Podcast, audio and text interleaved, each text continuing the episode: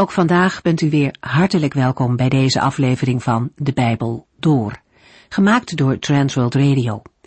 Voor meer informatie kijkt u dan op onze website transworldradio.nl. In deze serie gaat u in vijf jaar tijd met ons de Bijbel door, van Genesis 1 tot en met het laatste vers in Openbaring 22.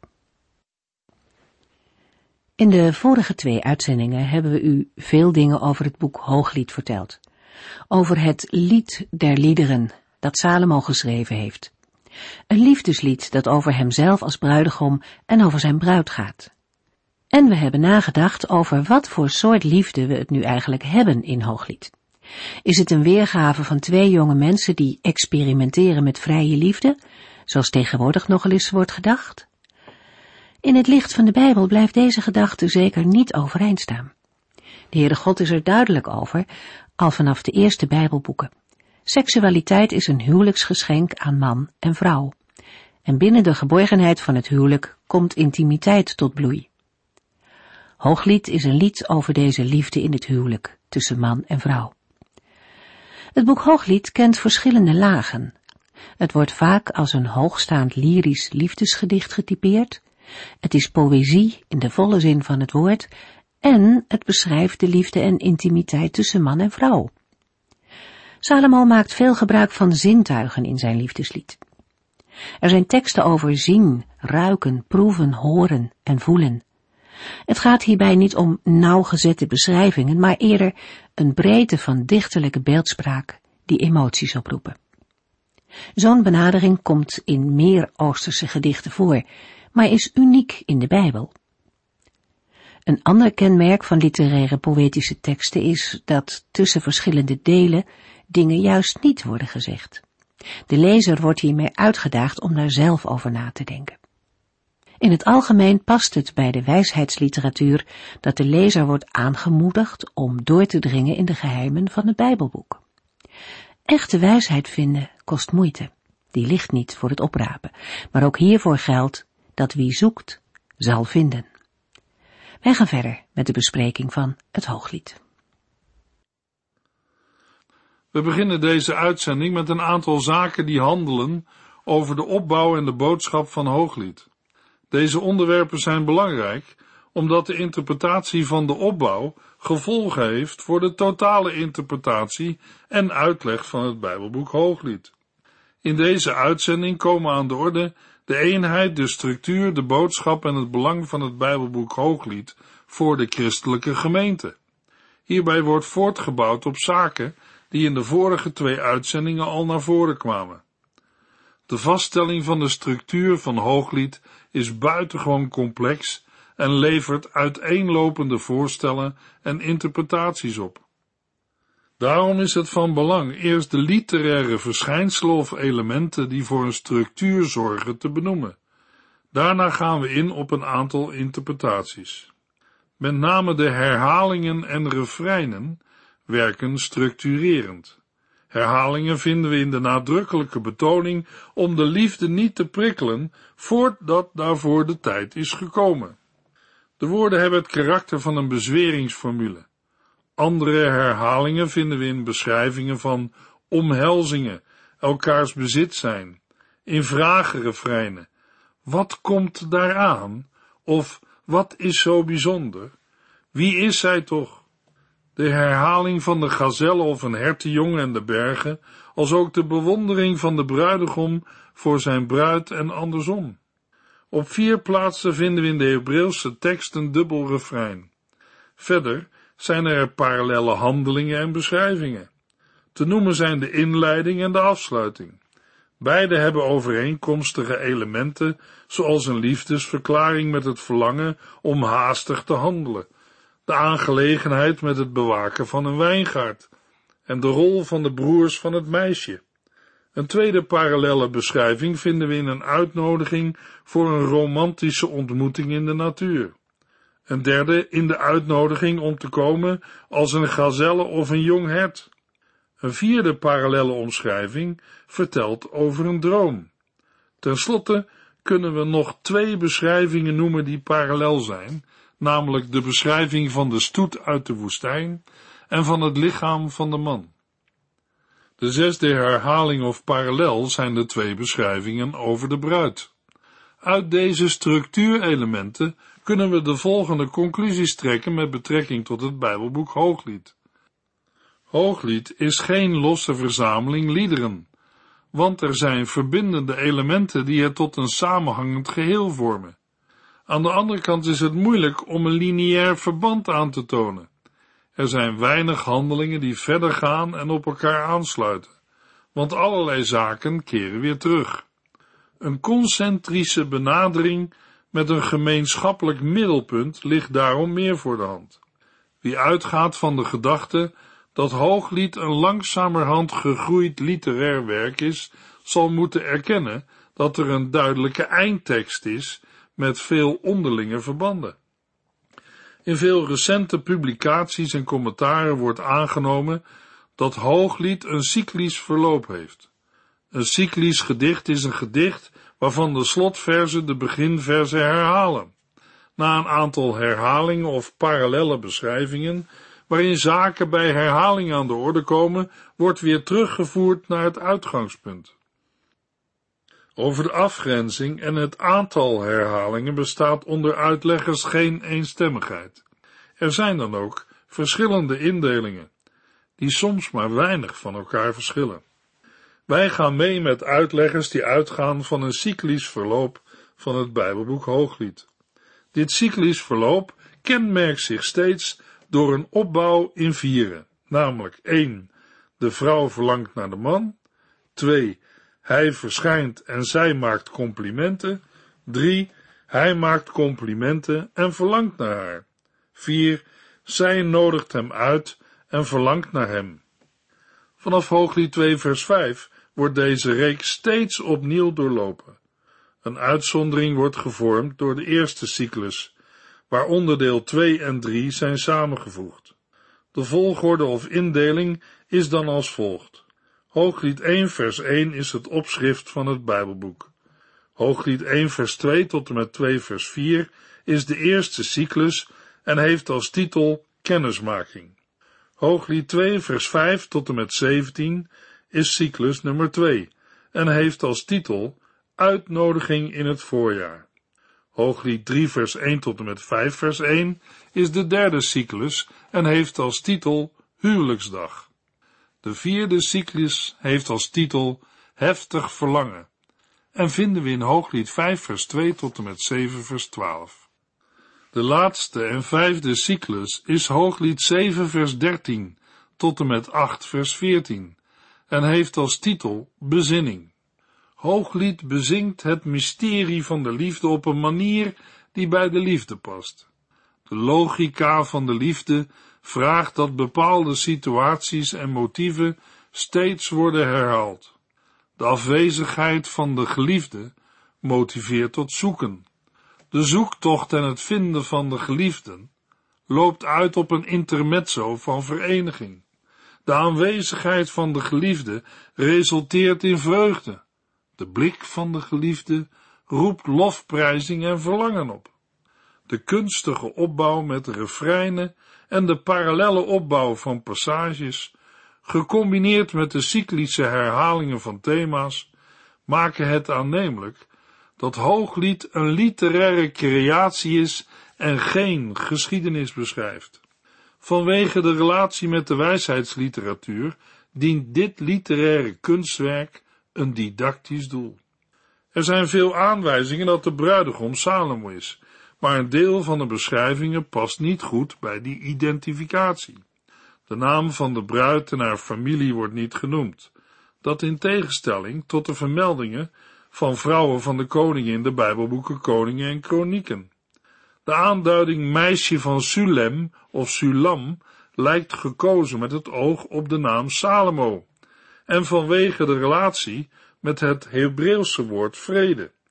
Daarmee wordt de beschreven relatie tussen bruid en bruidegom algemener dan bij vermelding van historische gegevens het geval zou zijn. Ook is de beschrijving in Hooglied dermate paradijselijk of hemels, dat een strikt historische opvatting onwaarschijnlijk is. Maar Dat neemt niet weg dat de inhoud wel degelijk terug kan gaan op historische gebeurtenissen, ook op gebeurtenissen die in het leven van Salomo hebben plaatsgevonden. Het lijkt erop dat de schrijver van Hooglied een kunstige compositie van allerlei ervaringen heeft gemaakt, met het doel een boodschap over te dragen. Deze aanpak past bij het thema liefde.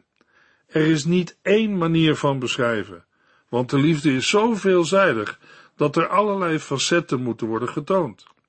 Tegelijkertijd worden gebeurtenissen in het veld, in een tuin en in een stad door elkaar gebruikt. De voortdurende wisselende perspectieven dwingen de lezer om het onderscheid tussen de werkelijkheid en verbeelding op te geven, net als het onderscheid tussen de ervaring en wat wordt gehoopt.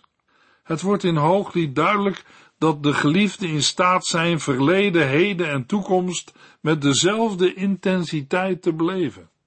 De gedichten beschrijven stadia op weg naar het huwelijk, soms in een begrijpelijke voortgang, maar soms ook in een losse samenhang.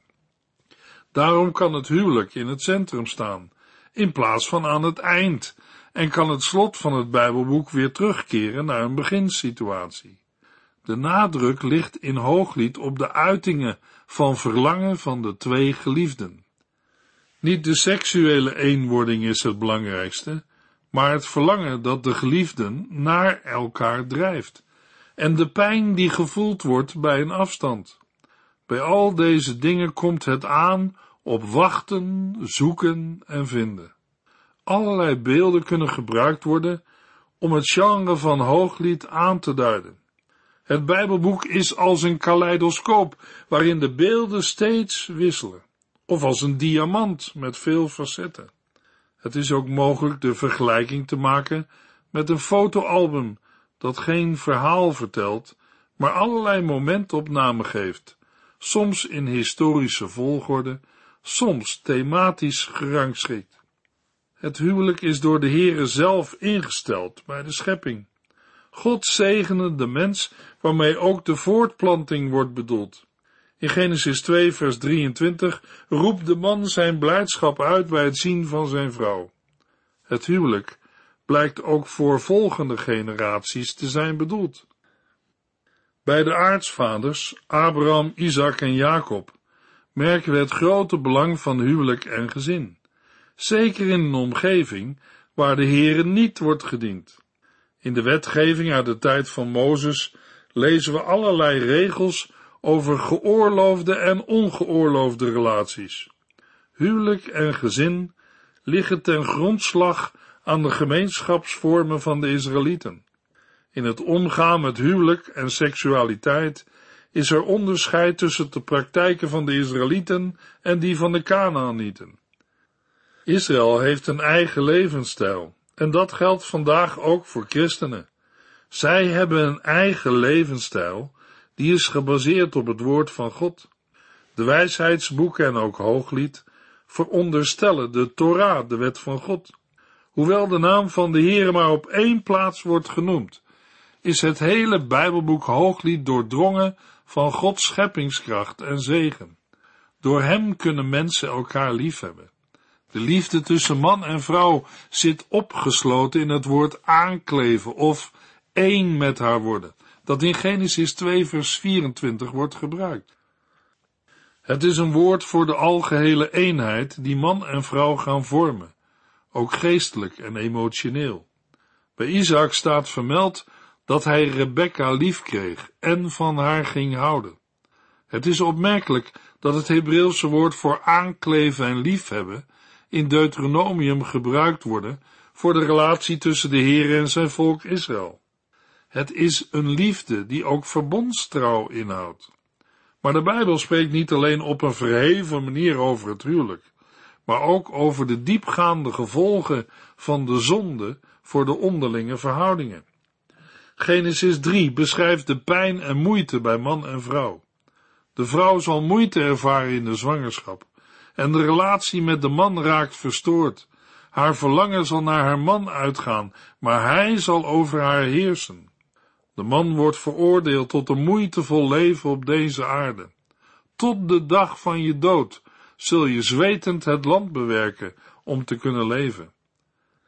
Het hebben van meerdere vrouwen die bij het nageslacht van Kain inzetten, moeten we zien als een scheefgroei van de oorspronkelijke bedoeling, namelijk monogame verhoudingen. Dit geldt in extreme vorm voor Salomo met zijn 300 vrouwen van vorstelijke afkomst en 700 bijvrouwen. Tegen deze achtergronden spreekt Hooglied opvallend positief over het huwelijk en over de relatie tussen man en vrouw. Opmerkelijk is dat in Hooglied 7 vers 10 het woord verlangen wordt gebruikt. Hetzelfde woord als in Genesis 3 vers 16 en Genesis 4 vers 7, terwijl het verder in het Oude Testament nergens wordt gebruikt. Dit woordgebruik kan wijzen op een samenhang. De vloek is in Hooglied veranderd in een zegen. Het verlangen van de bruid geeft blijdschap en is geen oordeel meer. Het is mogelijk dat de exclusieve en wederzijdse liefde, zoals de Heer die heeft bedoeld, uit kan stijgen boven de vernietigende effecten van de menselijke zondeval. Ook al kan die liefde de zondeval niet teniet doen. In de maatschappij van de aartsvaders, Abraham, Isaac en Jacob, die in het Oude Testament wordt beschreven, lijkt de positie van een vrouw minimaal te zijn, hoewel ook daar naar de mening van Rebecca wordt gevraagd. In het Bijbelboek Hooglied staan geen praktijken als uithuwelijken of de vrouw als louter bezit van de man of de vrouw die als onderpand wordt gezien bij internationale verdragen of een vrouw die er alleen is als een middel voor de voortplanting. Te midden van al die praktijken bezingt Hooglied de liefde en wat de liefde met mensen doet. De oud-testamentische profeten vergelijken de relatie tussen de Heer en zijn volk Israël meermalen met een huwelijksrelatie of met een periode van ondertrouw. Het volk wordt beschuldigd van ontrouw of overspel, vooral in de boodschap van Hosea. Maar Hosea spreekt ook over een herstelde relatie. Bij Jesaja klinkt de belofte in Jesaja 54 vers 5, want uw schepper zal uw echtgenoot zijn. Heere van de hemelse legers is zijn naam. Hij is uw verlosser, de heilige Israëls, de God van de hele aarde. Hooglied geeft adviezen hoe om te gaan met de liefde, vooral ten aanzien van de meisjes van Jeruzalem. En beschrijft ook zorg en spanning die aanwezig is in de dromen en angst voor de vossen die de wijngaard ruïneren. Het volmaakte is nog niet bereikt zoals ook blijkt uit de mogelijkheid dat de vrouw geslagen kan worden door wachters.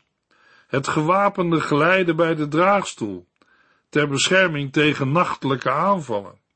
Sommige beschrijvingen in Hooglied stijgen uit boven onze menselijke en gebroken werkelijkheid. Ze vertonen overeenkomsten met vergezichten van profeten, zoals het vrederijk in Jezaja. Te midden van deze wereld geeft de Heere in de liefdesverhouding tussen man en vrouw iets van zijn genade en wijst daarmee ook heen naar de toekomst als het kwaad overwonnen zal zijn. Bij de uitleg van het Bijbelboek Psalmen zagen we al dat lang niet alle psalmen messiaanse liederen zijn, maar dat door de compositie van het hele Bijbelboek het messiaanse uitzicht veel sterker is geworden. Het is ook een gedachte die wij bij de uitleg van het Bijbelboek Hooglied moeten overwegen. Hooglied legt wel vooral de nadruk op de menselijke liefde, maar bevat ook allerlei elementen die heenwijzen naar de messiaanse toekomst. Een aantal uitleggers voeren een pleidooi voor een messiaanse lezing van het Bijbelboek Hooglied. Daarbij geven zij in meer en mindere mate aan dat de messiaanse lezing de hoofdintentie is van het Bijbelboek Hooglied.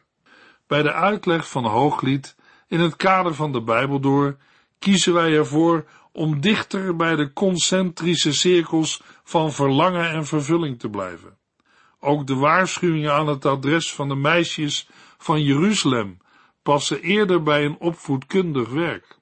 Toch is het waar dat Hooglied in bepaalde opzichten verre gezichten opent die nog niet zijn vervuld.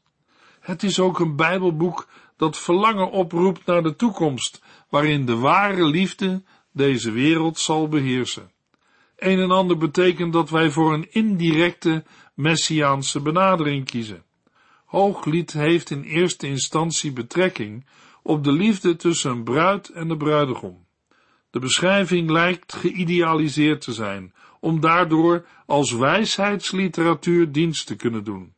Maar de vele relaties met andere delen van het Oude Testament en de hiervoor genoemde argumenten zorgen ervoor dat dit niet alles is, maar dat er ook uitgezien mag worden naar een latere vervulling, naar een koning uit het geslacht van David en Salomo, die liefde toont aan zijn bruid en haar heil bereidt in een paradijselijke omgeving. Op een vergelijkbare wijze is bijvoorbeeld Psalm 45 een bruiloftslied over een huwelijk tussen een koning en een bruid, maar daarnaast overstijgt Psalm 45 vers 7 en 8 een gewoon koninklijk huwelijk, zodat in Hebreeën 1 vers 8 en 9 deze woorden op Christus kunnen worden toegepast.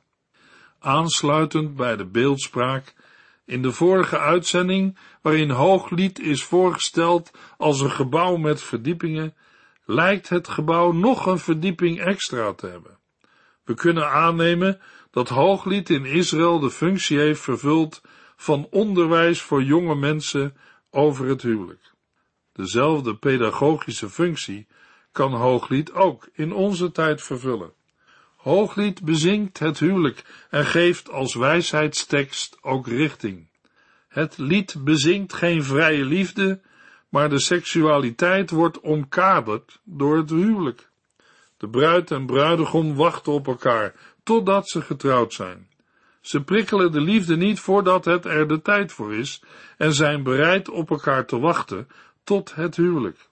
In afgeleide zin ligt het voor de hand dat zuiverheid voor het huwelijk een bijdrage vormt voor trouw in het huwelijk.